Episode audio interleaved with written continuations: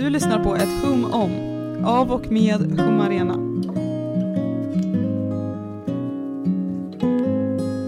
Ja, vi rullar hörni. Ja. nu får jag lite prestationsångest här. Men eh, vi kör. Vi kör. Är ni redo? Ja. Ja. jag är så här, okej. Så redo man kan bli. Jag är helt grön. Men eh, nu kör vi.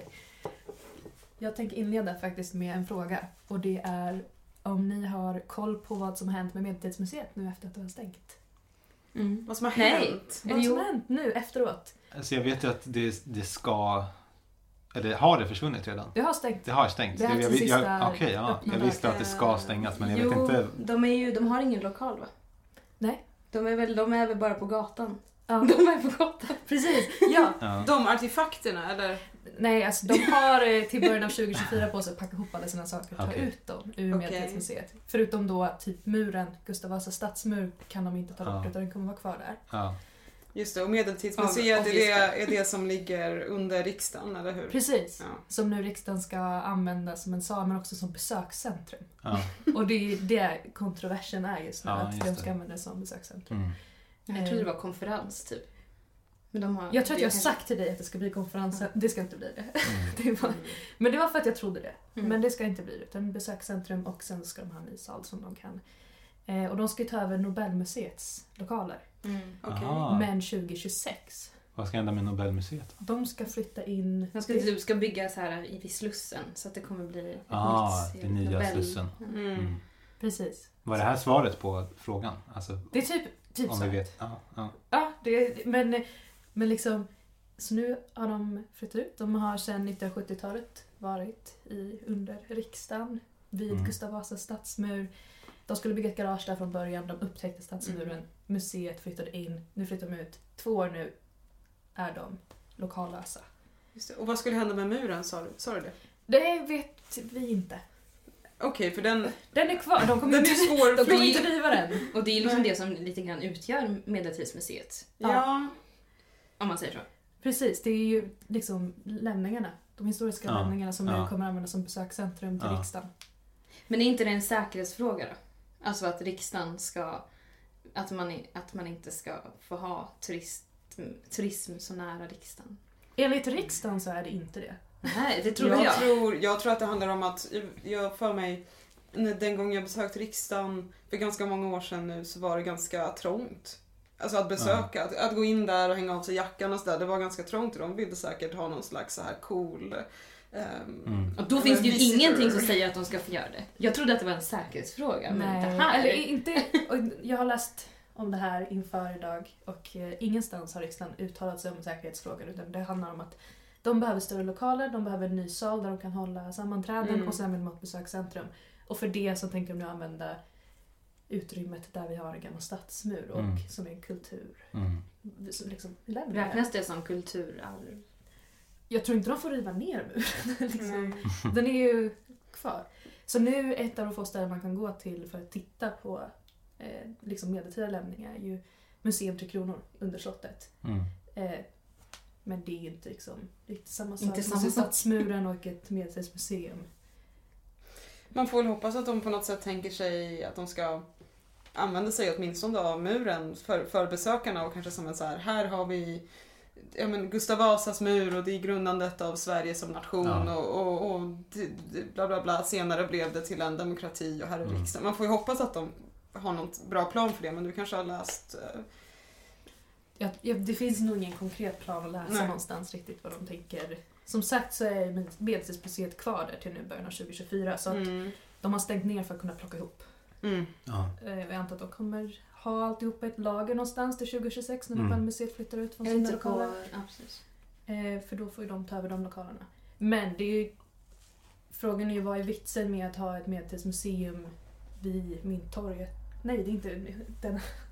Det är, rik- riksdagen är nu vid Mynttorget, men vid Stortorget. Vad är vitsen med det? När vi har muren vid riksdagen. ja, det känns ganska synd. Det är en symbolisk plats Mm. på något sätt. Att ha, det är för sig också en symbolisk entré till riksdagen som du sa Elsa. Att det kanske Ja, det blir... lite, men eh, Man kan ju hoppas att de gör något, något bra av det. ja, det Mm. borde funnits något annat alternativ kanske man kan tycka. Mm. Mm. Det finns ju ett stort garage där till exempel. Inte om det här är classified men, men när jag jobbade som brevbärare så körde jag ner i det garaget ibland och lämnade post. Som är precis bredvid Medeltidsmuseet. Ja, precis. De kanske skulle kunna ta en liten bit av det gigantiska garaget. Ja, och för göra ett Medeltidsmuseet besökscentrum skulle ju. Ja. vara en del av garaget från Ja. början men sen så hittade de Mm. ju den. Men och då det- blev det inte det. Mm. Det jag kan känna är ju att de står ju, det, det är en sak också om, ja ah, men ni kommer få en lokal med nästa år. Men nu ska de vara utan lokal i vadå, hur många år? I två år. Mm. Det är lite svårt att bedriva Vi kommer inte ha ett, verksamhet. äh, vi kommer inte ha ett medeltidsmuseum i två år. Eh, man får väl gå till Historiska museet. Som Mm. sagt. det Finns, finns det medeltidsmuseum, eller jag menar det finns, eller finns det i någon annan stad i Sverige? Vet, vet ni om det? Något så liksom dedikerat på samma sätt. Det måste ju finnas någon slags motsvarighet någon annanstans. Men jag vet inte. Det, Alltså, jag tänker Visby ja, kanske har någonting. Ja, ja. Eller fast de har nog inte till, liksom, med, men de har väl något Gotland, Visby Mm. ja, det beror på vad man Mm. räknar. Jag så här Birka typ. Det är ju mer vikingafokus men Ja. ändå medeltid. Mm. Eh, Fast inte riktigt samma sak. Vikingamuseet Ja. finns ju också då men... Ja, just det. Men det är, det är en annan grej antar jag. Ja, det är en annan Ja. grej som Ja. Gamla Uppsala, det är en annan, Ja. det är en annan liksom, historia på något Mm. sätt. Det är en annan vibe. Ja. Jag menar, en Vasamuseet, vikingavibe. Vasamuseet är väl någonstans i brytpunkten. Ja. Eh, Fast det är ändå det är 1600-tal så det är inte Ja. medeltid. Samma sak med vrak. Alltså Museum Mm. of Rex är väl också Mm, just det. någon slags brytpunkt men det är inte medeltid. Mm. Får jag fråga er som historiker då, då ni tre historiker. är inte det här lite så här eh, typiskt för hur medeltiden alltid eh, behandlas? Jo, Att man liksom, vi Faktiskt. har, vi har liksom hur många, vi, jag frågar liksom, finns det några fler medeltidsmuseum? Och så börjar vi räkna upp alla vikingamuseum vi har. Och så har man liksom sina olika konstmuseum och vi har, men liksom just medeltiden är ju alltid lite så här förbisedd Mm. Av någon konstig anledning och sedd som en Mm. tid som inte är värd att eh, riktigt undersöka eller ens gå på, ha ett museum om. Men det är värt att ha mycket besökscenter och konferenssalar. Som också har ju konferenssal, eller konferenscenter har väl, alltså det vet jag, på, andra, på tekniska typ tror jag att de har gjort ett konferenscenter liksom, på en Mhm. del av museet. Om jag inte misstar mig nu. Och man bara, men istället för, där det tidigare var en utställningsdel. Nej men det jag tror de Men har då det, ska man jag- ha konferens. För Ja. konferens är viktigare än att eh, ha ett museum. men det känns som typ det mest alltså, överflödiga typen av plats eller rum i hela Sverige är typ konferenscenter. Mm. Det känns som att det finns konferenscenter överallt. Eh, och jag fattar aldrig hur det kan finnas så många eller hur det kan vara så, nej exakt. Hur det finns sånt stort behov av vad vi har konferenser. inte råd att åka på konferens. det, vi kan inte relatera. Nej, det det är inte som att man känner många som åker på konferens egentligen. Eller det kanske Det bara kanske bara är fel Ja. crowd. Ja. Ja, ja, ja, men... eh, Ja, vi, det, Du hade ju just anordnat en just- konferens. Ja, just an- anordnat en konferens. Men, men jag tänker ledningen för Medeltidsmuseet har i alla fall någonstans att hålla sin konferens där de ska lägga upp en plan för Mm. den Ja, framtida precis. verksamheten. Och Det kan ju, de ju göra i sina gamla lokaler då. Mm. Om riksdagen nu erbjuder, det kanske bara är besöks, det kanske inte var konferens där. Nej, Nej, precis. det var jag som drog besökscenter. Ja, det jag är Karin som ska ha en konferens där. Varje tillfälle jag får vill jag klanka ner på konferensen. Ja, nej men eh, som ni lyssnare kanske hör så är inte det här vanliga upplägget.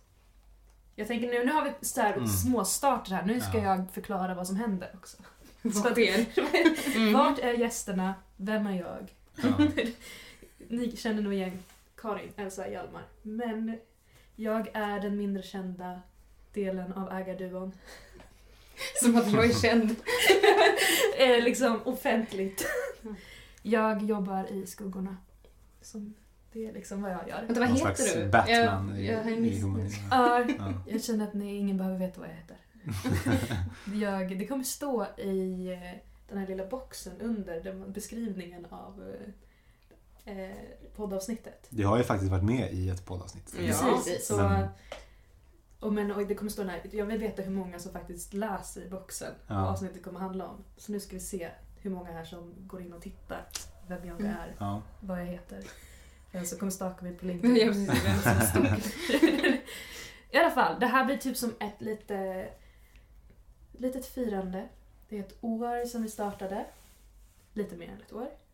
Det är avsnitt nummer 11, så vi har haft 10 avsnitt av podden. Mm. Eh, Och vi allihopa har varit med på ett eller annat sätt. Jag kanske inte lika mycket. Men vi har alla varit med. Fast när, även fast du, du och jag inte har varit med och pratat har vi suttit och observerat Elsa och Hjalmar. Exakt. Så. Ni har nästan alltid suttit där. Och jag har tappat Ja. grejer i bakgrunden och du har Ja. redigerat. Jag har mest suttit Ja. Och Karin, Ja. du har ju faktiskt Ja varit, just det, det har jag ju. tagit Ja, över Ja, ja. min plats i ett, Ja, det är ett sant. Vi kan ju lägga till också att vi andra inte vet heller vad det här avsnittet, Nej. vad som ska hända. Nej. Utan det är bara Makrina som... Det här, nu Som avslöjar vet. du mitt namn. Ja, sorry. Vi kan vi klipper bort det. Det är bara Nej, Nej men Bats precis, jag Ja. har jobbat i det dolda med det här avsnittet. Och som ni kanske hörde här på inledningen så ska det handla lite om, ska vi kanske avslöja titeln? Mm. Det vet ju folk redan som lyssnar. Ja, det är sant. Så Men det är bara Hjalmar och Elsa som inte vet Ja, det är vi Ja. basically, temat för dagens avsnitt är Försöker politikerna döda kulturen? Oh, Stort, stort Ja, ämne, ja. stort tema. Men vi ska börja så här lugnt och trevligt med att bara prata om oss. ja. Och inte dra in politiker. Mm. Eh, för jag tänker bara, nu eftersom det är någon slags anniversary, vi har på ett tag nu, elfte avsnittet. Hur känns det att vara i motsatt roll? Liksom? Att inte behöva intervjua utan att Mm. istället vara offret för det här. För min del så känns det ganska skönt. Eh, Det är klart, det är alltid jobbigt att inte känna att man är fullt i, i kontroll och det, ja, inte veta exakt vad som ska sägas men jag tycker ändå Ja, det känns skönt. Jag har haft mycket att göra senaste månaden och det känns skönt att bara sitta här och någon annan ställer frågorna. och man bara kan...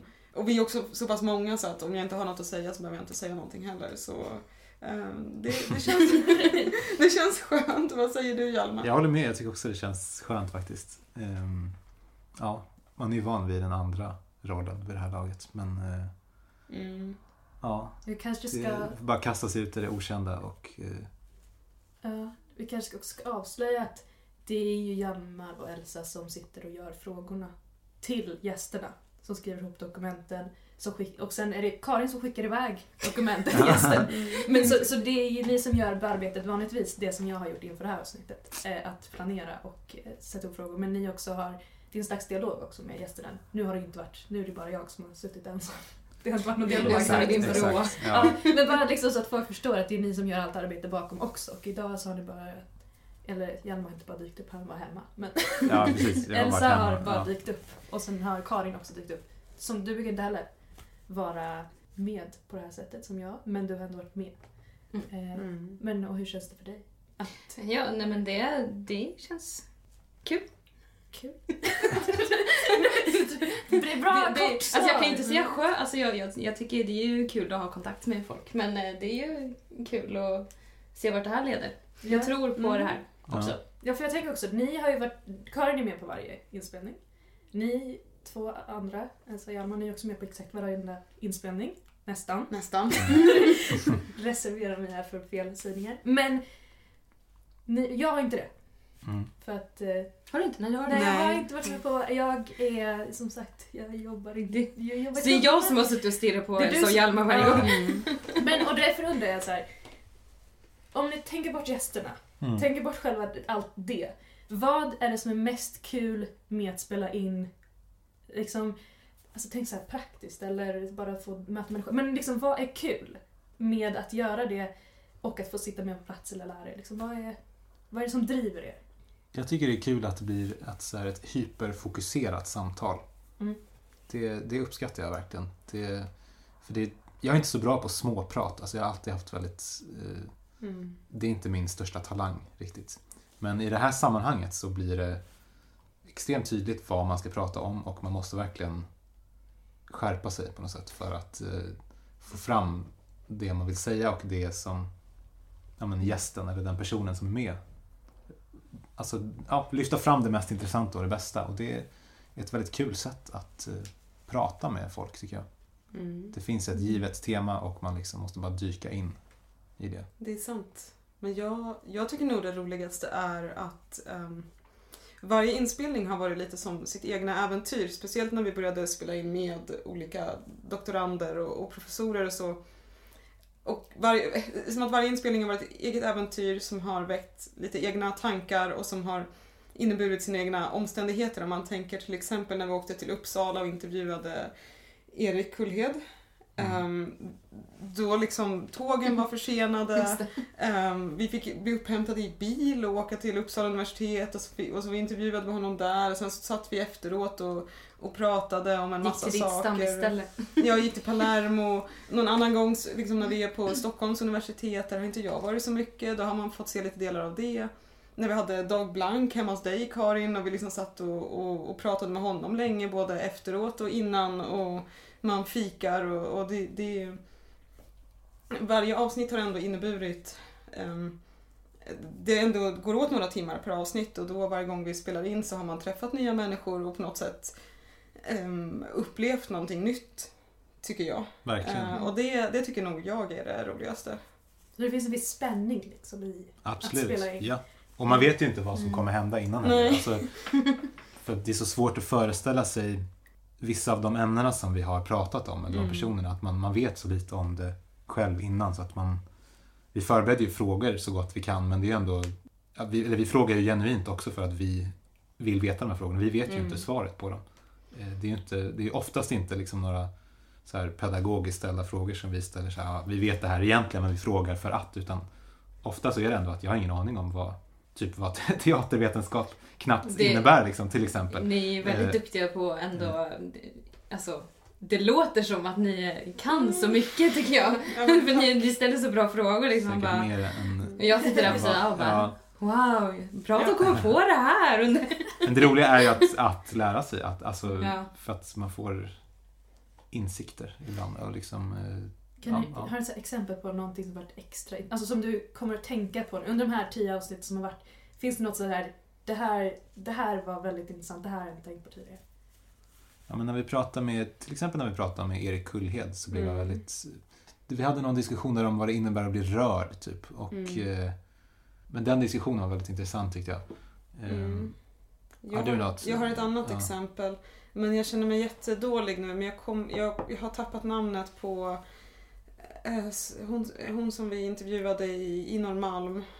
Um, Ja, Elisabeth Mansén. Elisabeth Mansén. Ja, det var nog det avsnittet där jag blev... För då pratade vi också om sinnen. Mm. Och vi pratade om, om det här att hur kan man vara säker på att vi ser samma färg? Hur kan man vara säker på att vi hör samma sak? Och Mm. jag tror att vi liksom, det, tog upp, det, det togs upp i det avsnittet också, men jag blev så himla så här Det är någonting som fascinerar mig. Och Hon Mm. liksom återuppväckte den här fascinationen och de här tankarna kring, kring det. Så jag minns det avsnittet med eh, värme faktiskt. Jag kommer ihåg från Elisabeths, det här har ingenting som med liksom, inspelningen att göra, men bakom scenen, liksom Mm. behind the scenes. Eh, Jag och Karin satt i hennes eh, lädersoffa som lät jättemycket när vi rörde på oss. Vi var tvungna att sitta helt stilla hela tiden. Så jag kunde liksom inte riktigt röra mig för att se vad, inspel- vad ni höll på med. Så jag satt och stirrade på hennes pussel som hon höll på att lägga Ja, på soffbordet. Mm. Som föreställde dörrar runt om i Stockholm. Och det är Ja, liksom mitt starkaste minne från inspelningen. Och Jag vet inte Ja. varför. Just, vi, fick, vi kunde inte röra på oss och vi satt där och jag höll på att skratta ihjäl mig. Och sen samtidigt var jag tvungen att inte göra det så jag var fokuserad på de här dörrarna. och sen, för jag har alltid velat skriva, eh, liksom forska, jag vill forska om historien om bakdörren. Det är liksom Ja. en stor sak jag har velat göra väldigt Ja. länge. Och det låter jättefel men det är liksom genuint bara en bakdörr. Ja. liksom använder sig till. Och det, det är också- från då samma avsnitt som Elsa pratade om, liksom det här om sinnena. Jag kommer inte riktigt ihåg vad vi pratade om, men jag kommer ihåg den där soffan och jag kommer ihåg pusslet. Mm. Och det, Ja, jag såg bild på det där pusslet för att lägga Mm. ut på sociala medier. Eh, glömde bort. Mm. Ja, det var ett jag väldigt svårt pussel, såg ut som typ tusen bitar eller Ja. mer kanske. Mm. ja, jag var så tentativ att börja lägga pusslet. Ja. Alltså, jag, Tänk inte, om du hade lagt det klart. Ja. jag hade gått därifrån. jag tror inte hon skulle vara så glad. Nej, det känns nästan som värre än att förstöra någons pussel och lägga Ja. färdigt det Ja, eh, på något sätt. men då liksom, nu har ni ändå era, era moments som ni har. Ja, liksom. jag har, alltså, jag har fler moments. Mm. Mm. Men typ, Dag Blank var superkul att snacka med tyckte jag. Mm. Ja, jag Bara mötte honom, jag gick Mm. från Karin, jag var inte med, jag var ju där med innan. Just. Sen behövde jag gå. Och jag mötte honom i backen hem till Karin. Men jag vågade inte säga hej. Ja. Så jag bara gick förbi. Men han hade säkert, om du hade sagt hej hade han ju bara hej hej. Ja, Ja. men sen fick jag höra från er att han, det var jättetrevligt och Mm. att han var väldigt kul att intervjua. Mm. Så jag är lite avundsjuk. Det var det. Jag har Mm. kollat på Allt för Sverige som har gått nu och då har jag tänkt väldigt mycket på Dag Blank och Ja, det som vi det. pratade om. Ja. Ehm, Men han är inte med. nej, nej, nej. nej Men, ja, en men- gäst, men Fredrik Charpentier Ljungqvist, han är faktiskt med i Allt för Sverige. Och Är han? Nej, allt för Sverige heter det. Nej, historia. Ja, ja, Sverige. exakt. Ja. Det här är väldigt olika program. Det är två helt olika. Ja, gud, jag blandar ihop dem hela tiden. Allt för Ja. Sverige är amerikaner. Exakt. Ja. Men historia, precis. Ja, Eller hur? Nej, han men är med i historien. TV, Ja. liksom TV. Jag Mm. har suttit och tittat på mycket TV nu, Ja. för jag har varit sjuk.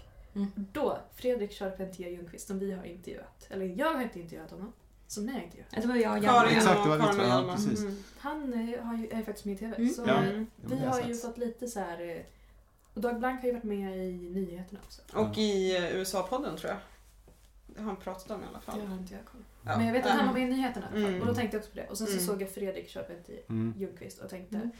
ah, Mm. där har vi ju en till. Liksom. Mm. Exakt. Mm. Vi har relevanta gäster.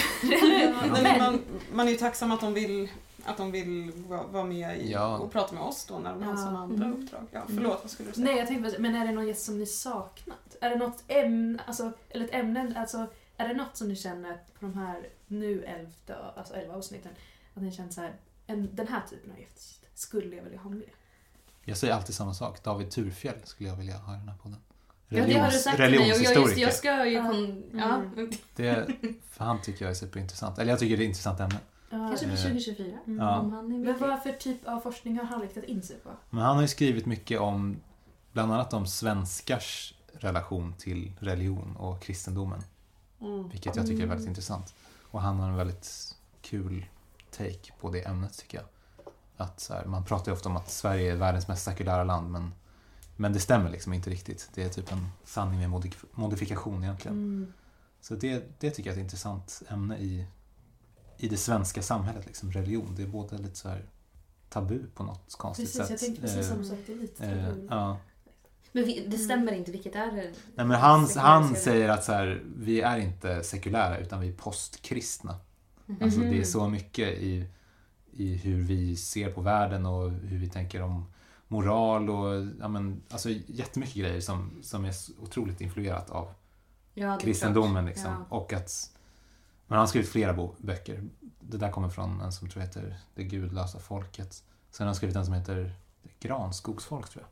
Om så här, hur många här är väldigt naturälskande Mm. och så här, finner någon slags spirituell connection när man går i skogen typ. Mm, så det är Att, eh, våran religion. Det är någon, Mm. någon slags konstig naturreligion. Mm. Nej men jag, det är bara ett intressant ämne tycker jag. Mm. Eh, som det känns som att vi inte riktigt har haft med. Det måste ju inte vara Mm. just han, men det skulle vara väldigt kul om... Vi har haft lite religion. Visst har det inte varit så mycket teologi, religionsvetenskap? Nej. Nej, Nej. nej.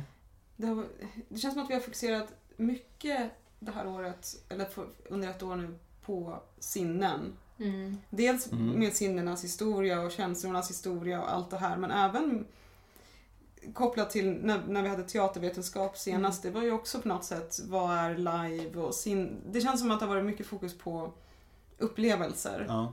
Och jag känner... Vad är en upplevelse? Ja, ja men exakt. Och jag, det jag känner att jag har saknat, eller det jag vill gärna prata om framöver, är dels musikvetenskap Mm. Och gärna typ modern musikvetenskap för att jag tror att jag och Hjalmar också har ett stort intresse för det. Absolut. Språkvetenskap, latinska språk, skulle vara jättekul. Och ehm, litteraturvetenskap. Det känns som de, de, de, rätta mig om jag har fel men vi har inte pratat mycket om de tre. Och det känns, ja det är väl rent liksom egoistiskt på något sätt. Eller personligen så tycker jag att de ämnena är spännande så att det Ja, skulle jag vara jättekul. tycker det är viktigt att påpeka då för alla lyssnare att både du Elsa och Hjalmar höll ju på med musik på fritiden. Ja, precis. Eh, så att att det är där musikvetenskapen kommer in, Mm. antar jag. Att det är därför Mm. du vill, för att... Ja, om och, och ni har väl båda ganska... Gillar att läsa ganska mycket. Om Mm. jag inte misstar mig. Mm. Eh, ja exakt, så Ja. litteratur också. Men, och tänk, om typ, tänk om till exempel eh, Sara Danius fortfarande hade levt. Man, och nu skulle Mm. kanske inte vi aldrig få tag på henne men vi kunde så här, bjudit in henne till, det, ja. bjudit in henne till ett Ja. samtal om Bob Ja. Dylan. Det hade varit Alltså, alltså. Ja. liksom något sånt. Det Eller var någon som liksom har... Ja. Mm. Men då måste jag fråga, vad tycker ni om att han fick Nobelpris i litteratur?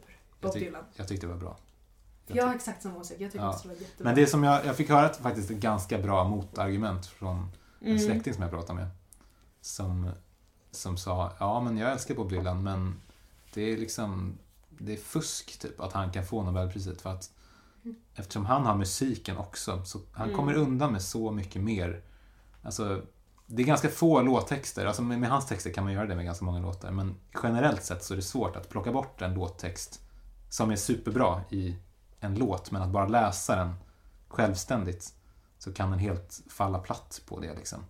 Så han tyckte typ att ja, men det var orättvist mot, Mm. mot alla stackare som inte har den här musikaliska arsenalen att jobba med. Jag håller inte med, jag tycker att det- ändå, han är en poet liksom och han, han är musiker också men Mm. jag tycker... För jag tänker så här, många poeter skriver ju med takt Ja. i åtanke. Mm. Jag tänker ofta, även eh, författare skriver ju att liksom, punkten måste sättas efter ett visst antal takter. Liksom. Mm. Det är Mm. väldigt, att man märker om en författare eller en poet skriver så att det slutar mitt i en takt. Det Mm. märks. Mm. Mm. Så jag tänker att många, i alla fall framgångsrika författare och poeter har ju det musikaliska också. Mm. För det Mm. behövs för att man ska kunna nå fram till, alltså för att man Ja, det tänker så. ja. Liksom. Det känns som att det är svårt att...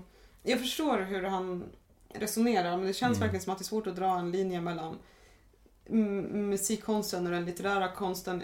Tänk kopplat igen till vårt samtal med Erik Kullhed. Mm. Det lämnade många spår. Um, och då pratade vi om den här som du hade läst, den här Iliaden. Iliaden som Ja, man ska läsa i en viss takt. Och va- vart går gränsen? Ja men Är exakt. det en låt eller är det en Ja. bok? Alltså, det är Typ, ju... eller Sappho. Ja, ja men Det exakt. är ju musik från Ja. början.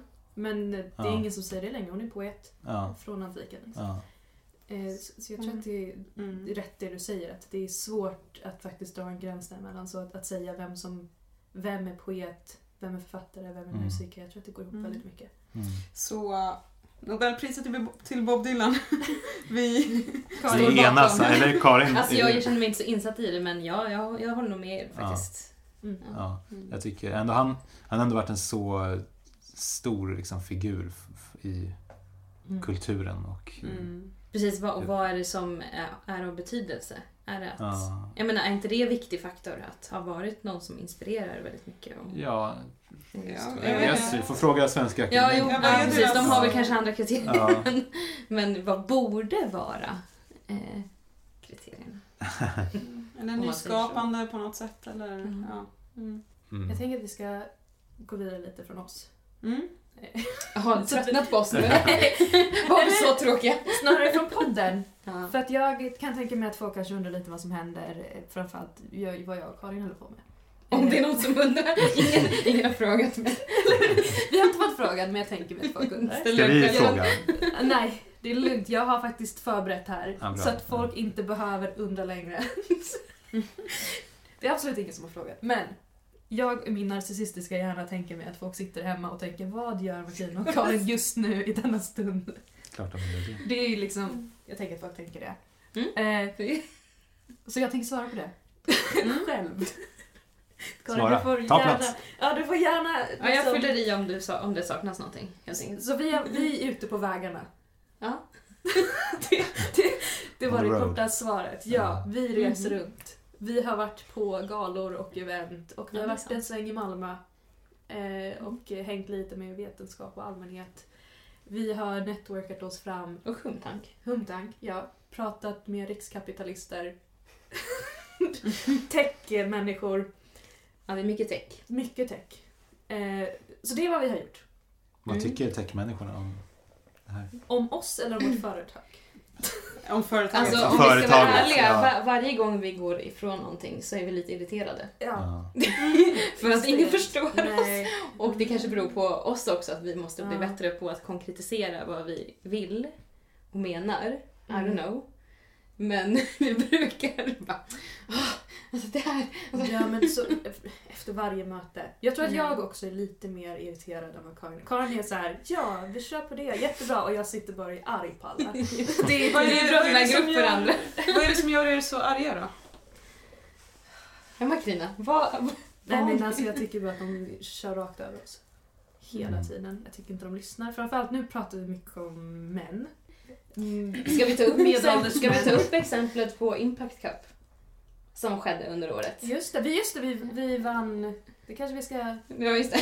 Vi, vi, vi vann ett pris Mm. för eh, hållbart samhälle Mm. på Impact Cup här i Stockholm. Eh, sponsrat av Stockholms stad. Viktigt att nämna, de var inte där, men det är de som gav ut pengarna. Eh, Och då skedde någonting. ja. Ta den du. Nej, go ahead. Nej, nej, för jag tror du... du Vad, skedde då? Jag vet inte vad som skedde. Kommer inte du ihåg det här?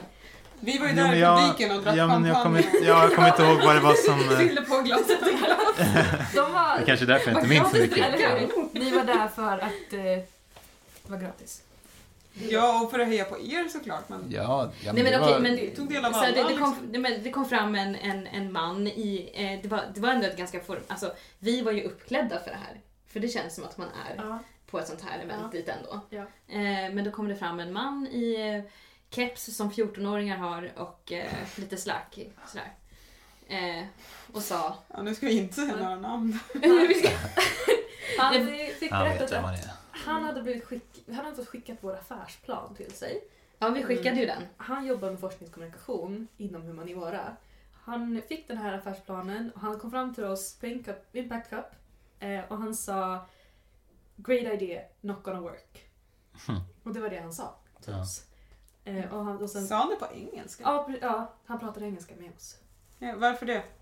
Ja, var, han eng- var han engelsktalande eller? Jag vet inte. Förmodligen, eller jag vet inte, jag tror han att vi var, fast nej vi hade ju vår pitch på svenska. er Ja, plan måste ju vara på svenska. Ja, ja. ja. den- Så ingen vet Det var bara, pratade han var bara lite så här down with the kids. Ja. Ja. Men han pratar svenska. Jag tror att han bara gjorde det som ett uttryck så här. Ja, ja, precis. not gonna work och sen... Ja, det är ju lite förminskande liksom att ta det som en så här... Ja, eh, och då blev jag arg, en av alla de gånger Ja, men jag blev också arg, herregud. Men jag måste berätta om en annan gång jag blev riktigt arg. Mm. Vi satt på den här, eh, det var ett ett seminarium i Malmö. Där vi Mm. diskuterade varför, eller så här, humanioras ställning i samhället, varför inget har, ingen har ett hum om humaniora och så vidare. Och sen så var det en forskare som satt i panelen längst fram. Som sa, eller han fick frågan, varför är inte svensk forskning relevant internationellt? Mm. Och han sa för att ingen är intresserad av Karin Boye. Och det, det, var- det var hans svar. Han menade Mm. att vi kan inte göra svensk forskning aktuell om vi forskar om svenska saker. Mm. Och jag blev så arg på det här. Jag kommer ihåg, jag skrev i så här små meddelandeformat på min mobil till Karin och sköt över min mobil hela tiden. Med argument för varför Karin Boye Mm. måste bli relevant internationellt. I alla fall, det var, ja. Vilket självspäkande. Alltså av, av Ja. dem, alltså mot så. Sverige, att vi Ja. har ingenting att erbjuda, vi Ja. måste forska om typ amerikanska Ja. författare då, eller som om det inte finns nog med amerikanska forskare som Ja. gör det. Men det, ja. Mm. ja ja. och eh, då, men jag blev riktigt arg. Mm. Jag tror att han såg det också, att jag var riktigt arg. Jag pratade typ Det var därför ingen ville mingla med oss. Jag. Vi var- vi gjorde Det var faktiskt folk. många som ville mingla med oss. Ja, ja, det Men eh, jag var lite arg. Klipp bort det där. Nej, det kommer stanna. Man snackar inte skit om Karin Boye i din närhet. I alla fall inte lära Krinas närhet. Jag Ja. såhär, jag, just det brydde jag mig inte. Jag Eller kan säga så här, på det jag tycker inte om Karin Boye ens. Men där, i det momentet Ja. kände jag... Nej, så nu har jag så här, fråga till er. Mm. Nu när vi ändå är inne på hur arg jag kan bli över Karin Boye. Mm. Hur hade ni sålt in Karin Boye? Till ut, internationellt, till utlandet. Internationellt. Ja. Oj. Inte till svenska. Jag känner att jag vet, alltså det, jag, det är liksom där när knoppar brister. Den Jag där, räcker, det, inte, det är liksom räcker enda, inte att läsa den. ja. Om man har en bra översättning. Nej men om man säger så här, ja, om man säger så här. Nu vet jag inte, nu har jag begränsad kunskap om Karin Boye, men hon är väl ändå ganska tidig kvinnlig poet. Alltså inte jättetidig men ändå, liksom, det fanns inte så många kvinnliga poeter vid den här tiden. Hon lyckas ändå bli väldigt stor, hon är en intressant individ som levde ett intressant liv. Hon var väl, var hon inte lesbisk eller är jag helt... Jag tror det, fast jag... Men liksom att hon var, hon var liksom på något sätt eh, kontroversiell för sin tid. Eller hon var liksom väldigt, jag menar en typisk sån här person som kanske var före sin tid på något sätt. Och hon begick ju tragiskt nog självmord. Och, men hon har, en, hon har ju en in- intressant persona. Tillsammans med sina fantastiska dikter. Jag förstår inte hur man inte kan sälja in, hur man inte kan liksom... Nej, och redan nu har du sålt in henne Mm. mycket bättre Mm. än vad den här professorn i litteraturvetenskap Ja. på Lunds universitet gjorde. För Mm. hans svar var bara att det går inte. Mm. Det går, eller framförallt Med att den inställningen går forskning, det inte. nej, forskning om Karin Boye går inte eh, utomlands. Liksom, Men det är ju för att de inte... Eh, Men sa han vad som Gör- funkar utomlands eller vad är, vad är, vad är liksom... Nej, vi kom aldrig in på det. Men är inte problemet att forskningen inte är tillräckligt tillgänglig för människor? Då då? Eller, Eller är det forskare som ska ta till sig den här forskningen? Eller är det andra forskare liksom? Ja, men alltså jag, vet, jag tycker bara att de är sämst på att göra en så här unique selling point av sin egen forskning om deras svar är det går inte. Ja. ja, då har man ju stoppat det redan där. Alltså, Eller om man, då försöker man inte. Men, men måste det vara relevant överallt då? Alltså, jag tycker att det är det, men... Det räcker med att det är relevant i Sverige till exempel. eller jag vet inte, vad, vad var liksom, vad diskussionen specifikt så här? Det går inte att sälja in svensk forskning Nej, utomlands. okej. Okej. Just humanistisk forskning Ja, då såklart. ja. Ja, för det känns som annan så här, medicinsk forskning och sånt där känns som det är mycket som kommer från Nej, men Men Sverige. det där, nu råkar jag, nu, nu är det här anekdotiskt då, men jag råkar känna en person ehm, i, jag träffade en person i Brasilien som studerade historia, humaniora, historia i Brasilien. I södra Brasilien, liksom helt off från Sverige. Mm. Han skrev sin masteruppsats som han sen också beställde, alltså han printade ut som en bok i Mm. bokformat för han var så nöjd över den. Mm. Han skrev sin masteruppsats om Gustav Adolf den andre. Ja, there you go. Alltså, vadå man kan inte liten sälja in svensk Ja. Historisk eh, kommentar bara, du menar Gustav den andra Adolf? Gulf, Gustav den andre. Ja, tack. Bra att jag är här med tre historiker. Gustav den andre Adolf, självklart.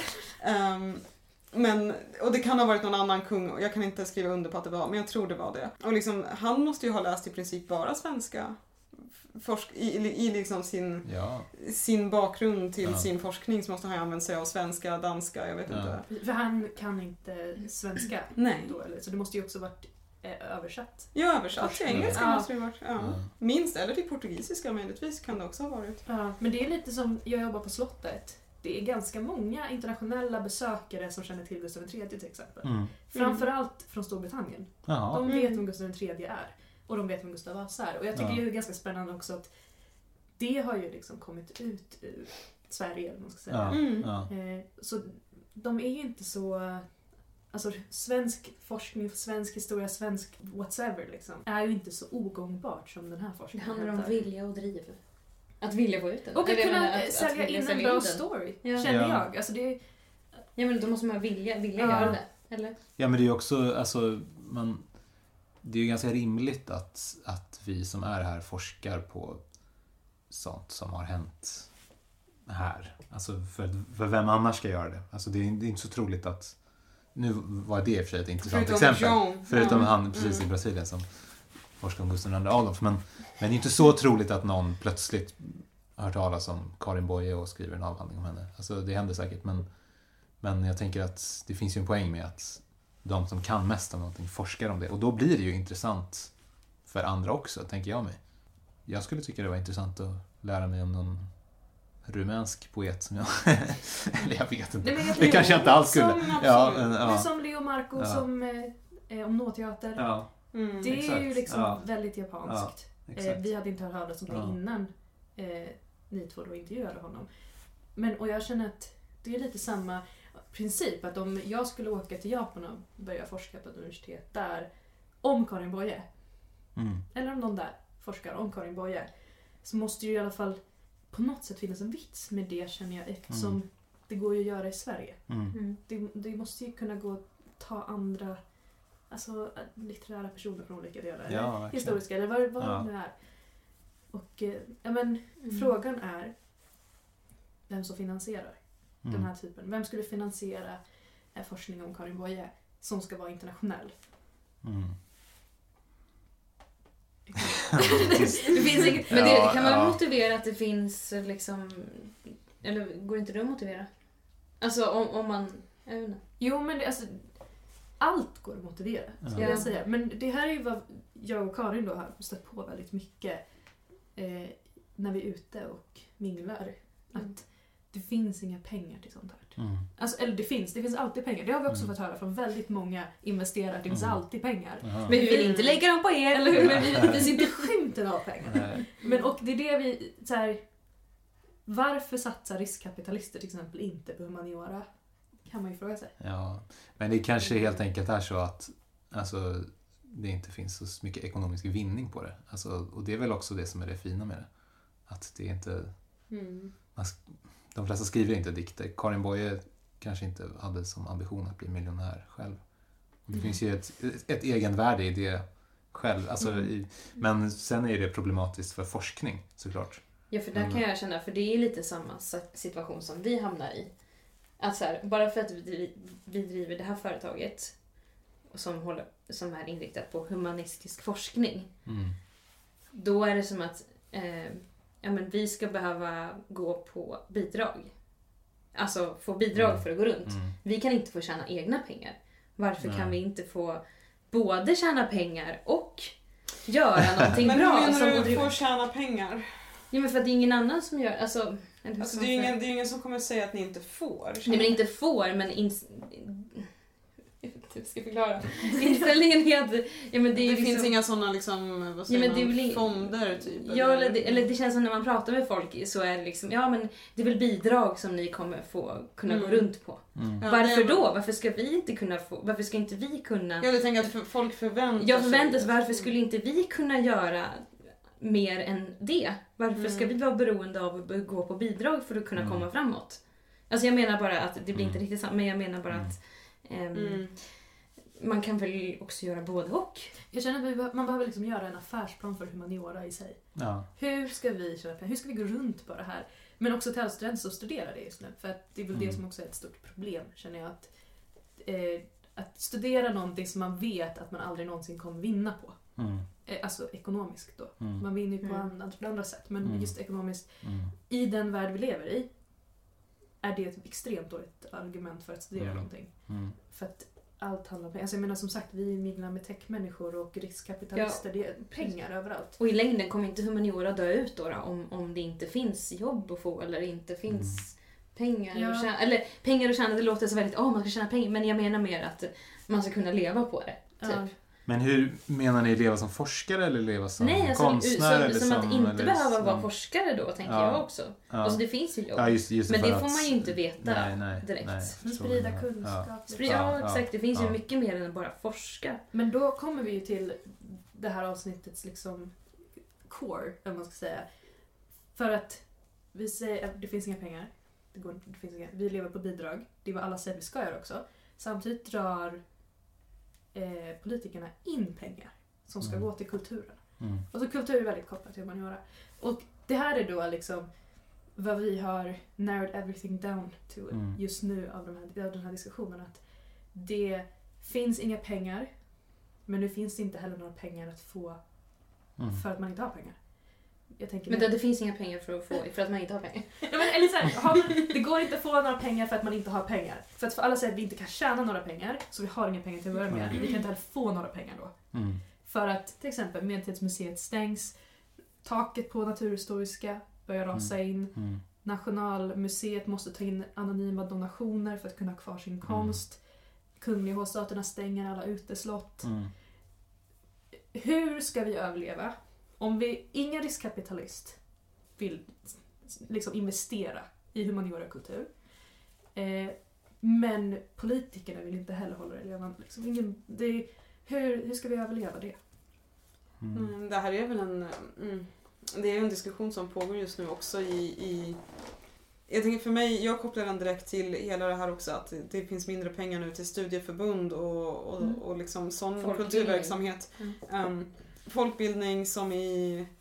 Um, jag tror en, en gammal klasskamrat till mig som nu jobbar på Svenska Dagbladet, Andreas Hörmark, han skrev en krönika om det här nyligen som jag läste som jag tyckte var bra om studieförbunden, hur han spelat på något studieförbund i Uppsala i många år och att liksom de flesta som gör det står där och rockar och skriker och det kanske inte blir så mycket av det.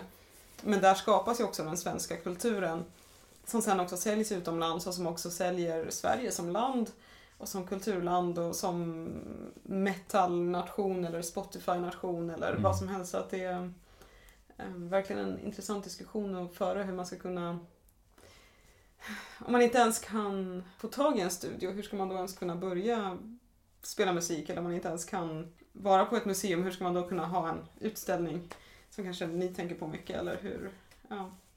Eller om det inte finns någon plats att förmedla kunskap. Mm. Vad gör vi då? Liksom nu kommer, alltså nästa steg är väl att de börjar stänga ner såna här alltså jag vet inte, så här, små barer och pubbar där man kan komma och till exempel spela musik. Har de Mm. redan börjat göra. Ja, Ja. men och vad händer liksom, om vi, det inte finns någon plats att förmedla kunskap så finns det inte heller någon plats att förmedla kultur på ett sätt.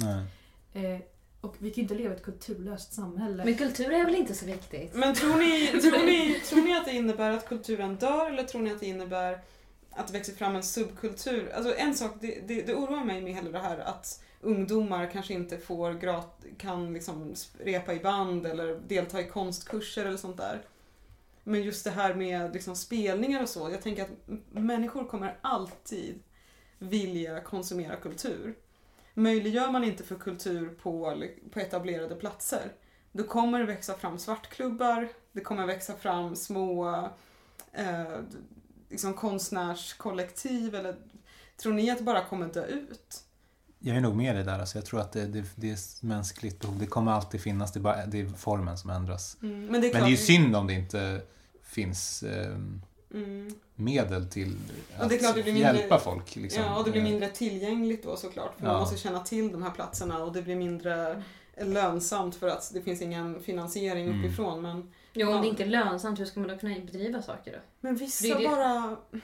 Jag tror bara att vissa personer gör det ändå. Jo, Ja, det är klart, det finns sånt. Men Mm. Jag tänker typ den privata anonyma donationen till Nationalmuseet till exempel. Mm. Det finns ju personer där ute Mm. som vill ge bort sina pengar för kulturen. Mm. Mm. Som, eh, och, och frågan är liksom vad deras motiv... Alltså för att, jag tänker att vi alla kanske har tydligt tänk om varför någon skulle vilja donera pengar. Mm. Men liksom jag känner... Jag tror inte alla fattar. Liksom. Jag- Framför politiker. Jag tänker att det känns som att, jag tänker i den här diskussionen är det inte att man inte fattar, eller att kultur är, det ses inte som någonting som är nödvändigt för människor. Eller alltså... För det, vår direkta överlevnad kanske. Ja, alltså för att vara direkt, men som du säger Elsa så är det ju någonting som alltid finns och som människor alltid kommer skapa. Det finns, det finns ju i Men- alla samhällen. Ja, men jag tror inte, om man säger ordet kultur, om man inte själv håller på med konst eller är intresserad av museer eller vad det nu kan vara. Om man är, ja men ja, om man inte gör det, då kanske man inte ens, eh, vad, vadå kultur? Alltså man, man tänker inte på att musik är kultur. Jag lyssnar på musik, jaha men tar jag en del av kultur? Det visste jag inte. Eller förstår ni vad jag menar? Kolla på serier kan Ja, alltså kolla på film, alltså, serier. Det Alltså allt ju, man det beror på gör. hur snävt man Ja. gör begreppet. Det är ju kultur, men jag tänker att just när man använder begreppet kultur så kan det ju så här, ja men det behöver ju vi inte. Eller Nej, liksom, det är ju nej. bara någonting som överklassen håller på med. Men, Eller vad man ja, ska kalla det. nu när du liksom pratar om... Alltså det är ju också eh, det här med att folk kanske inte förstår att fler och fler, unga framförallt, mår ju psykiskt dåligt. Mm. Statistiken går upp. Och jag kommer att tänka på saker som vi, jag och Hjalmar gick tillsammans med, eh, vi studerade med en person som heter Samuel från Vasamuseet Mm. en gång. Och eh, jag minns det här väldigt tydligt för att Jag tror jag vet vad jag ska Ja, säga nu. Det var väldigt Samuel- roligt. Samuel, han pratade på väldigt länge Mhm. och filosoferade om att, eh, att, vi lev, att modernismen har spridit sig i samhället. Att husen är inte längre utsmyckade, det är boxhus. Liksom. Mm, Allt mm. är bara raka linjer och modernism. Mm. Och han sa det att det är modernismen som gör oss deprimerade. Ja. Mm.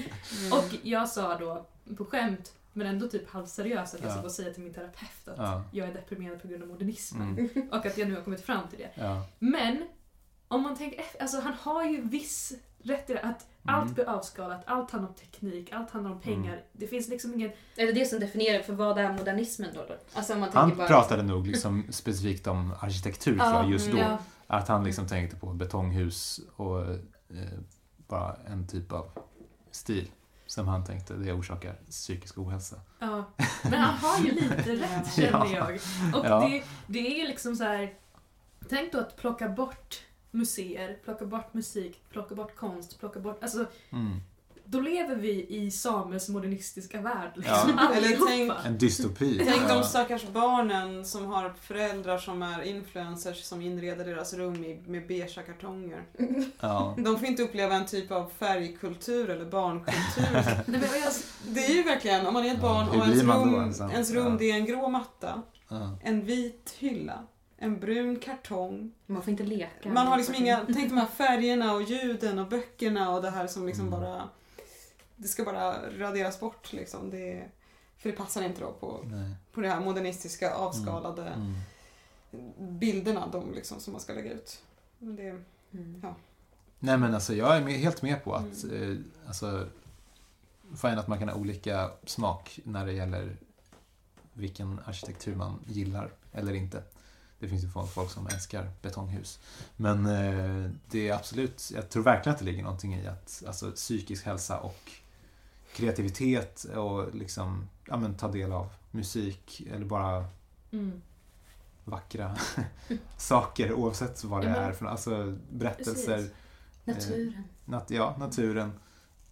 Det är ju ett mänskligt Ja, behov på något sätt. och tänka på det. Turister som kommer till Stockholm, de går ju runt i Gamla stan och tittar på de Mm. medeltida byggnaderna. De, tittar på de fina salarna i slottet till exempel. Det är ju ingen som åker ut till liksom Norsborg och tittar på miljonprojekten och bara wow. En och annan precis. arkitekt Ja, kanske. Ja, annan. ja. Det är ju inte förrän man kommer till Gamla stan som man förstår att det finns turister i Sverige. Tycker jag. För, ja, Ja. eller de vill titta på vattnet, de åker båtarna, de vill se Mm. skärgård. Det är inte, Och de går på museum. ja, men det är inte någon som går och beundrar gallerian utifrån. det var där utanför, utanför som Fast däremot la fram skogen. sitt- Kanske. Är det inte Ja, men- tyska turister som brukar komma Ja, men i precis. svensk skog? Ja, Jo, jo. Ja. Men, men, men okej. För typ 500 år sedan då, då fanns också Gamla stan Mm. mer eller mindre. Mm. Och de flesta bodde ju ändå inte i hus som såg ut som de i Gamla stan. De flesta Nej. bodde ju i någon slags... Ja men, ja men det är ju, om man tänker på söder så är det väl olika liksom så här skjul och Mm. kåkar och grejer. Men också typ ute på landet i något liksom timmerhus eller... Är det annorlunda mot hur det är idag? Så måste allt vara fint?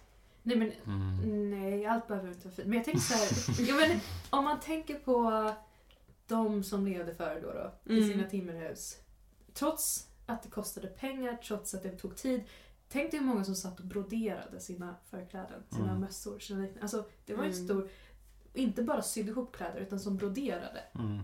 Och det tjänar de ingenting på. Nej. Eh, och samma sak, det var fortfarande folk som Kulturellt värde. Kulturellt kapital kanske de tjänar. Ja, men- eller hur? Ja men är det inte... Jag tänker att jag kan ju också gå... Jag kommer inte sitta och brodera för att i, i dagens samhälle så finns det ingen tid för mig att sitta och brodera. Om jag ska liksom sköta mina andra åtaganden. Men jag kan ju ändå gå till en inredningsbutik och köpa en fin kudde och det tjänar inte jag någonting på förutom kulturellt kapital. Mm. Ehm, jag bara tänker att det, det har inte riktigt förändrats i, i oss utan det som har förändrats är väl möj, ja, det är möjligheten till Ja, det är tiden skulle jag säga snarare än liksom investeringskapitalet. Eller det är Mm. liksom den här tiden att sitta och hålla på med det eller att, att bygga de här husen. För nu ska, måste ju husen byggas snabbt för att vi, har, vi saknar 200 000 hyresrätter i Sverige. Och Det, det är liksom... Ja, jag vet inte, jag vet inte Det exakt är för jag vill komma med det. men- samhälle så att vi har inte tid att ägna oss åt. Ja, jag tror snarare, för mig är det mer tidsaspekten än, än, men det kanske också kommer från en privilegierad ståndpunkt, jag vet inte, men... Att det handlar ståndpunkt. Jag menar så här, jag menar, ja, för mig, det är så här, jag har inte tid men jag har råd med det. Alltså det är Ja. liksom, det kanske finns de som verkligen inte har råd att konsumera kultur överhuvudtaget, men jag bara menar att det har väl alltid handlat om pengar på något sätt, men man kanske hade mer tid. Det är inte helt, en helt tydlig tanke, men det kanske är någon som... Jag tänker att formerna för hur man konsumerar eller, och utövar konst och kultur ändras alltid kanske. Alltså, och sen är man väldigt snabb med att tro att det är så här det ska vara. Men man kanske måste vara fin med att det ändrar på sig. Alltså om, man, om man levde i Florens på 1400-talet kanske man kunde få en mecenat som bara försörjde en för att vara konstnär. Eh, Mm. Det är inte så många som lever så nu. Ehm, och eh, jag vet inte, om man var rockstjärna på 60-talet så kunde man tjäna supermycket pengar på att sälja skivor och det är det typ ingen som gör nu. Eh, Nej. Du kan men- inte ha en mecenat om du är konstnär idag, men du kan ha en arbetsgivare som betalar dig för att du är fotograf. Precis, ja. Och då, jag tänker bara att det tar sig nya former, men jag vet inte om det är så annorlunda i... Ja, jag vet inte. Men jag fick en idé om museum, om man skulle bara Mm. öppna en paddelhall i alla museum. Det? För att dra dit människor Ja, eller? exakt. Håller inte padel på att dö ut nu? Ja, det kanske det gör. Jo, Jag kanske det- är sen på Men man kan ha en hall Ja. som kan Ja. om, omdefinieras Ja. beroende på trender. Du vill ha konferens... Ja, Ja, exakt. Det är så bara konferensrum, Ja, det, är det, det ja. är kanske därför de öppnar Exakt. konferens på liksom alla ställen, det. för att dra folk. Ja. Men Alltså, nu, jag, det tror jag typ är ja, orsaken. nu när vi pratar om så här, samhället förändras, Mm. eh, fast ändå inte. Eh, och eh, samhällsutveckling och liknande. Tror ni att politikerna underskattar kulturen och humanioras roll i att förändra samhället? Ja, det tror jag. Hur? Jag tror, jag tror nästan att, alltså jag blir typ ställd själv av den här frågan. Jag tror, att, jag tror att jag underskattar det. Jag tror att de flesta underskattar det. Men för de Ja. inte vet För att man- jag. Men det är också svårt att, det är så svårt att sätta fingret på men, men om man tänker att det liksom, förändringar sker ofta underifrån liksom. Att det, det uppstår, ja men kanske någon subkultur som du pratade om tidigare Elsa. Mm. Att det liksom, saker börjar ofta där. Innan det kryper uppåt till eh, makthavare på något sätt. Eh, Mm. Och jag tänker i en demokrati, åtminstone i en fungerande demokrati, så för mig så är oftast politikernas åsikter kanske mer ett uttryck av vad de tror att befolkningen vill höra. Mm. Eh, Och det tror jag och då, och då skulle jag säga ja, kanske de personligen men också att det finns väl ett allmänt i hela samhället en slags underskattning av kulturens värde för förändring. Eh, samtidigt som folk liksom o, utan att man tänker på det så kan man ju höra en, en kamplåt eller läsa en bok och känna sig, eller det kanske bara är anekdotiskt igen, men och ändå känna någonting kring det men sen så kan man ändå inte koppla ihop det liksom att det, den här kulturen för oss framåt eller leder till förändring och ja, jag tänker att politikerna bara är på något sätt ansiktet utåt för en bredare massa. Förhoppningsvis. Annars är vi liksom, tycker jag, har vi ännu större bekymmer. Ja, det, är ju, det är ju det de ska vara Mm. egentligen. Alltså, ja. Man tänker ju så här, politiker vänder kappan efter vinden, men det är ju också för att de, ja, de är ju folkvalda då och de ska ju på något sätt göra det som de tror att folket vill och om folket inte vill att man ser ku- kultur eller humaniora som en, eh, som en förändringsbärande grej eller ja, på något sätt så då, då gör man inte det. Jag, jag vet inte. Också en lös tanke Mm. som vi inte behöver skriva i sten men Ja. Tror ni inte att kultur och humaniora då typ också utmanar politiker lite grann? Eller politiken snarare, inte politikerna Det, själva. jo, Jo, helt klart. Ja, För jag ja. tänker typ så här, den här sången eh, Richmond North of Richmond som blev jättestor. Eh, framförallt Mm. TikTok som blev Mm. viral. När de, han pratar om eh, skattesystemet i USA, Mm. hur det bara gynnar de rika. Mm. Hur Mm. folket blir fattigare och fattigare. Mm. Som blev jättestort och som faktiskt då började diskussioner kring hur kan vi ha så fattiga människor i Mm. USA när det är världens rikaste land. Mm. Mm. Eh, men även, alltså jag tänker som, som vanliga som typ Taylor Swift Mm. som tar, har vissa ståndpunkter i sina texter Mm. men som också börjar kallas för poesi. Det är många som Mm. liksom menar att hon gör poesi av Mm. musik. Mm. Eh, som då utmanar... Eh, alltså hennes låtar är ett miljardimperium. Liksom, Mm. Och som utmanar politiken på ett sätt. Ja. Eh, och liksom när hon hade konserter här i Stockholm så såldes majoriteten av alla hotell slut sina rum. Det blev ju en stor turist, eh, alltså turistnäringen också. Att på det sättet så finns det ju mer direkt eh, utmaning liksom, mot politiken men också mer indirekt. Jo, det finns väl anledning till att kulturarbetare alltid förtrycks i, i, i diktaturer. Liksom, Ja. att de, så länge de inte skriver hyllnings, eh, hyllningslåtar till, till makten såklart. Men det är absolut att de, de utmanar politikerna. Att det också är läskigt som, som makthavare att känna sig utmanad och kanske väldigt utpekad. Och kanske att man känner sig träffad av en del av kritiken. Mm. Så. Verkligen. Mm. Ja men det känns som många kulturella rörelser har ju, eller bara att, bara att man säger det, alltså som man tänker så här, hela hippievågen så här på 60 och 70-talet. Det är ju så liksom, det var ju en politisk grej men samtidigt så är det ju, hänger ju extremt mycket ihop med musik och, En kult. ja men ja, kultur, kultur helt enkelt. Mm. Eh, Men jag menar, ingen vet ju att det här är humaniora. Nej, och Eller liksom Men ingen. precis, ja, frågan är ingen- om man pratar om forskning eller om konstarten i sig, alltså Mm. vad det är som ska få, eller allt Ja, måste jag- få utrymme att jag kan göras. avslöja att jag har varit inne på, om ni vet någon av er vad Goodreads är? Ja, Ja, det, appen. Mm. Ja, Ja, jag man har kan- den. Ja, där man kan Ja. skriva in vad man läser för något och vilka Mm. böcker man har läst Okej, och ja. Mm. Och de har ju varje år en tävling som heter Goodreads Choice Awards. Där läsare får rösta på vilka böcker som ska vinna i varje kategori.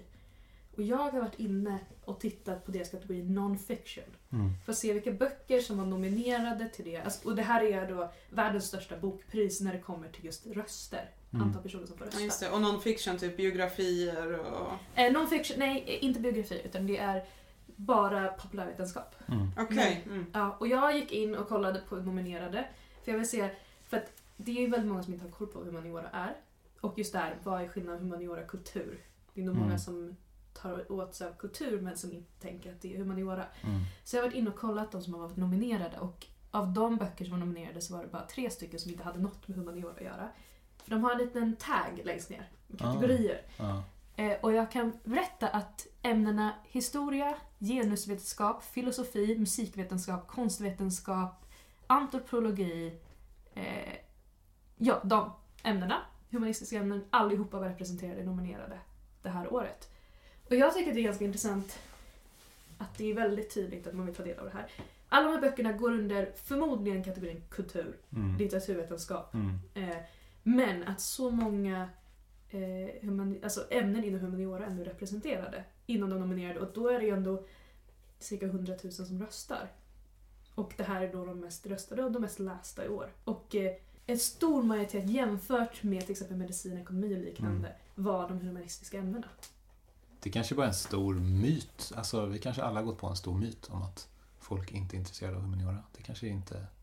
Jag tänker att alla är ju på något sätt Ja. intresserade av humaniora. Ja. För vi är väl alla intresserade av alla är väl intresserade av sig själv åtminstone. Ja, precis. alltså på något ja. sätt, hur man, hur, hur man själv funkar. Ja. Men det man, fatt, det det är, man gör ju inte kopplingen att det är... Det kanske är problematiskt att, att prata om det egentligen så som vi gör just nu på ett Mm. sätt.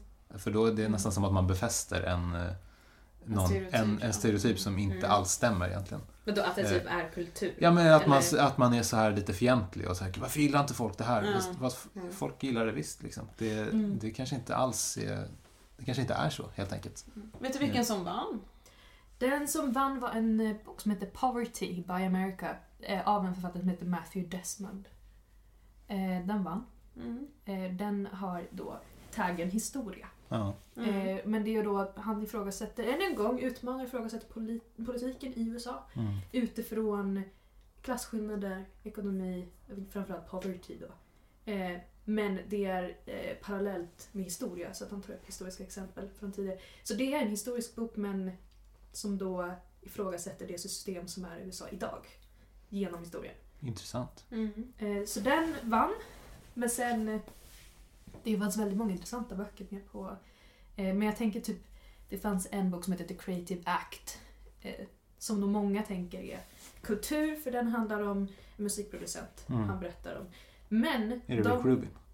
Nej. Det är... Jag har faktiskt inte skrivit upp vem det var.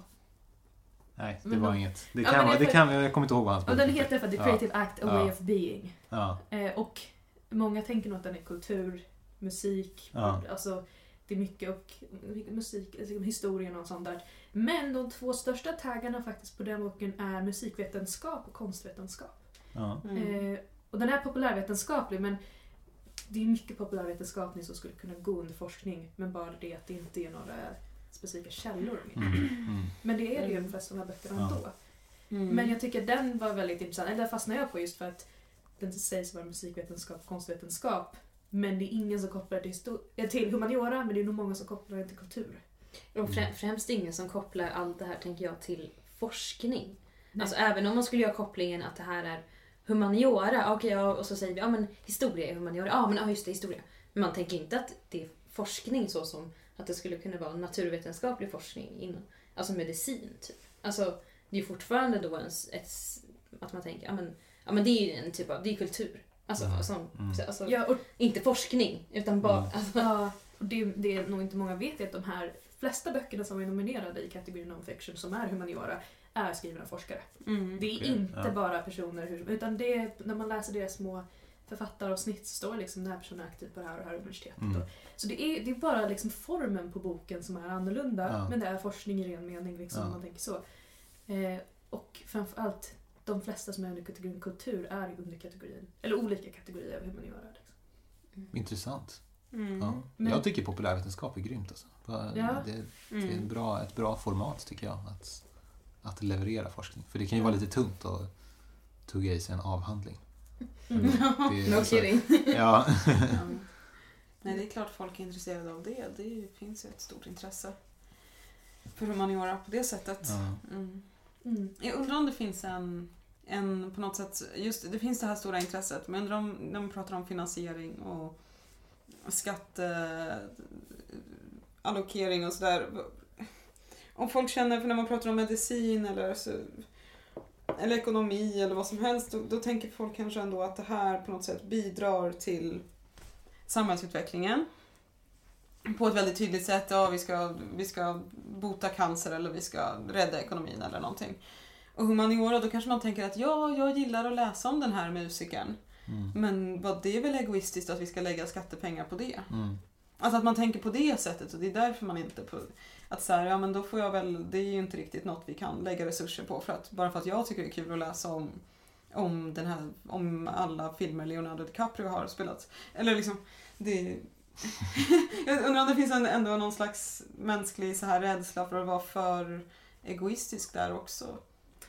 Jag tror också det handlar om, när det kommer till till exempel medicin, Mm. man vill ju gärna veta att man kommer bli cured of cancer. Mm. Men man Mm. bryr sig inte så mycket om hur egentligen. Det är Nej. därför folk inte, de böckerna om det inte finns med på topplistan. Nej. För Mm. det, alltså det intresserar inte folk att veta exakt hur de här olika treatments är. Mm. Däremot så, liksom, jag tror att folk i allmänhet är mycket mer intresserade av hur till exempel en musiker blev stor. Hur Mm. det här påverkar folk. Hur poverty, eller liksom Mm. fattigdom kom. Alltså Mm. det vill Mm. man veta, hur, så att man själv kan vara med Mm. och göra en förändring. Vad är mitt lands historia? Ja. Mm. Ja, Det handlar om att man, man vill veta något om sig själv kanske Mm. också. Mm. Vem man själv är. Det känns ju också som att det krävs ofta en kanske större, eller i alla fall något större förkunskap. Om man ska ta till sig. Det kanske, det kanske är bara för att jag inte har den förkunskapen. Men ta till sig medicinsk forskning. Alltså, Mm. Eh, Ja, samtidigt om den är skriven på, på ett populärvetenskapligt sätt så ja. bör den ju inte, Ja, behöver man, men det Ja. kanske inte är så. Men Ja, nej, men i och för sig, ja. ja. Det är också, jag menar du kan ju läsa en populärvetenskaplig skrift om medicinsk forskning. Så har du gjort det, så vet du det. Du kanske inte kommer, ska man säga, använda det så mycket i ditt, i ditt liv, dagliga, i vardagliga liv. Men om du läser om, ja, men säg eh, Bob Dylan igen och sen Mm. kanske du går på en fest och så spelar de Bob Dylan. För att, just för att kulturen och humaniora finns alltid väldigt närvarande i våra liv. Mm. Ehm, och jag skulle säga också politik då, statsvetare här. Mm.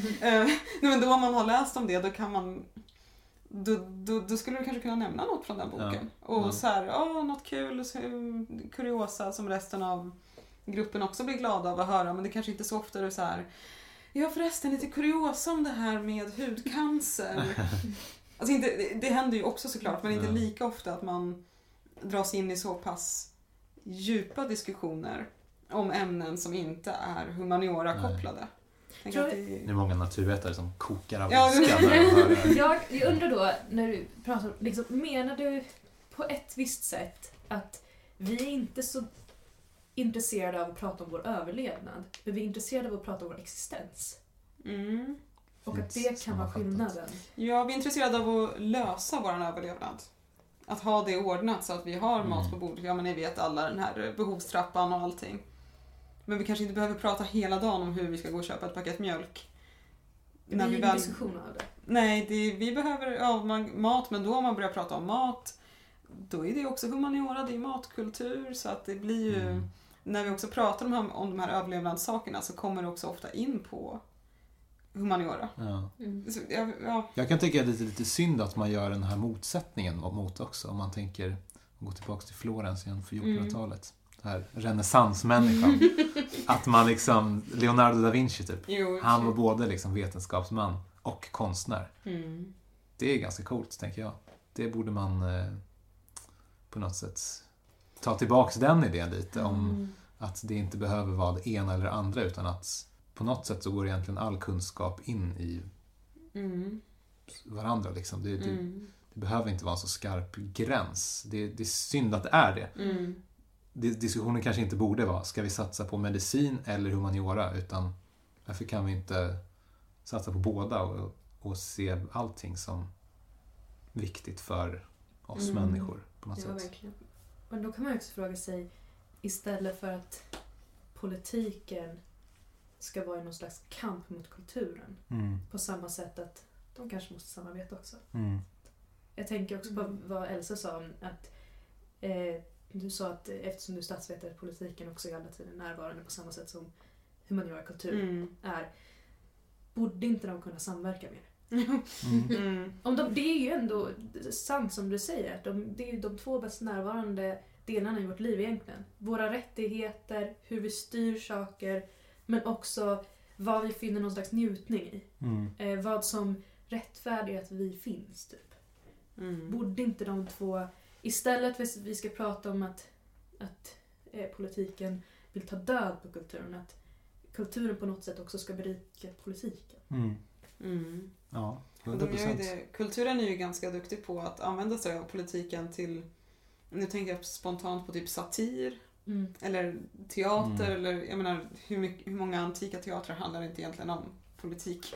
Det, ja, Mm. det är ju, men det är ju kanske poli- politiken där som måste också lära sig att använda sig mer av, av kulturen. Jag menar politiken styr ju kulturen. Också Ja, i men- tanke på om man tänker att det, Men kulturen väl också politiken lite? Ja. Jo, precis. Men att det inte kanske är så mycket dialog mellan... Eller jag vet inte. Vad... Precis, ja, men jag, jag förstår vad du menar. Jag tycker inte heller att eller det skulle kunna bli så mycket bättre. Mm. Eh, inte tv-programmet då. fast, fast alltså jag tycker att vi kan samla typ så här, tre stycken kulturarbetare och tre stycken politiker i ett program och så får de diskutera. Det skulle Ja. faktiskt vara en ganska bra programidé. Tolka varandras avhandlingar. Ja. Det är humanioras framtida program. Och den ska heta ännu bättre. Ja, precis. Ännu bättre. Ja. Nej men, eh, Stay tuned. Bättre tillsammans. Ja, precis. Bättre tillsammans. men på det, där kanske vi ska avsluta dagens avsnitt. Bättre Så, tillsammans. så besvarade vi frågan? Vi, alltså, Liksom. Jag tror inte vi kan besvara Det det. finns kanske inget svar på den här frågan, Nej. men eh, ja. Sitter vi här tillräckligt många gånger och diskuterar så Eller kanske vi kommer... Jag tror att vi har filosoferat färdigt för idag. Mm. Fast då, så, då blir det ju nästan som Hjalmar säger. Ska vi verkligen sitta och liksom prata om det här? Eller är det liksom Jag egentligen... tänker att vi, vi kan prata om det, men vi måste också vara lite upplyftande Ja, istället annars för bara gör vi samma sak som... Istället för att, eh, precis. För jag tänker, om man frågar politikerna, eller vad, vad tänker ni att politikerna svarar på den här frågan? Dödar ni kulturen? Det är klart de kommer svara nej. Men eh, Alltså, jag vet inte, det, jag tänker att ingen vill det egentligen. Jag tror inte de vill det heller. Eh, men, eh, jag vet inte Mm, vad jag vill ja, komma. nej, men, men jag- eh, Men jag tänker på nästa avsnitt kommer vi ha en kulturstrejk utanför riksdagen. och nu kommer vi ha Ja. det varje, vad är det för dag idag? Det är tisdag. Varje tisdag nu kommer vi ha en kulturstrejk utanför riksdagen så ni är välkomna att joina oss där. Och vi kommer podda därifrån. Eh, nästa gäst är Ulf Kristersson, om han vill vara med. ja. Mm. Nej, men, eh, Mm. med tanke på det, jag och Karin såg ju faktiskt Ulf Kristersson på Gasellgalan när vi var där för två veckor sedan. I Blå hallen. Men det var en tisdag också. Mm, det är Han var på väldigt dåligt humör. Alltså, Mhm. Ja, det, ja. Men det är, det är för Mm. nästa avsnitt. Om ni lyssnar på nästa poddavsnitt kommer ni få höra talas om Krist, Ulf Kristerssons extremt dåliga dag på Gasellgalan. Oj. Oj. Stay Ja. tuned! Wow. Det blir, det är nu en liten cliffhanger. Ja, Ja, vi ser fram emot det. verkligen. Mm. Ja, men eh, glöm inte bort att vi har fortfarande sociala medier. Humarena, hum.arena på Instagram. Och vi har också, man kan också liksom eh, betygsätta oss på, här på... Mm. Även om det är en, ett, en stjärna. Ja, precis. Feel free liksom. Skriv en review någonstans på Google kanske. Eller följ oss på Spotify. Det är också. Skriv gärna till oss om ni vill att vi ska diskutera någonting annat. Om ni vill att vi ska ha en strejk på riktigt. Skriv det till oss också på Instagram. Våra DM är öppna. Jag Alla. vet, eller om det är naturvetare och vill eh, ha, sitta och... Slåss med eh, mig. Ja, Ja. politiker, naturvetare och vill sitta och argumentera emot så... Eller hur? Kom. Ni får gärna slänga iväg ett mail på... Vad är vår mail? Uh, humarenainfo.gmail.com Släng iväg ett mejl där om ni vill vara med. Eller vara anonyma och eh, ge kritik om dagens avsnitt. Eller strejka, jag vet inte. Trolla om arenan. Det är så vi, bara, vi vi vill ha kritik. Kom nu. Ja, men det, jo, men all, all feedback är bra feedback. Men tack för, för idag. Tack. Tack så mycket. Tack och... Eller nej, det var inget. Tack för idag. Tack för idag. Tack för idag. Vi hörs. Vi ses.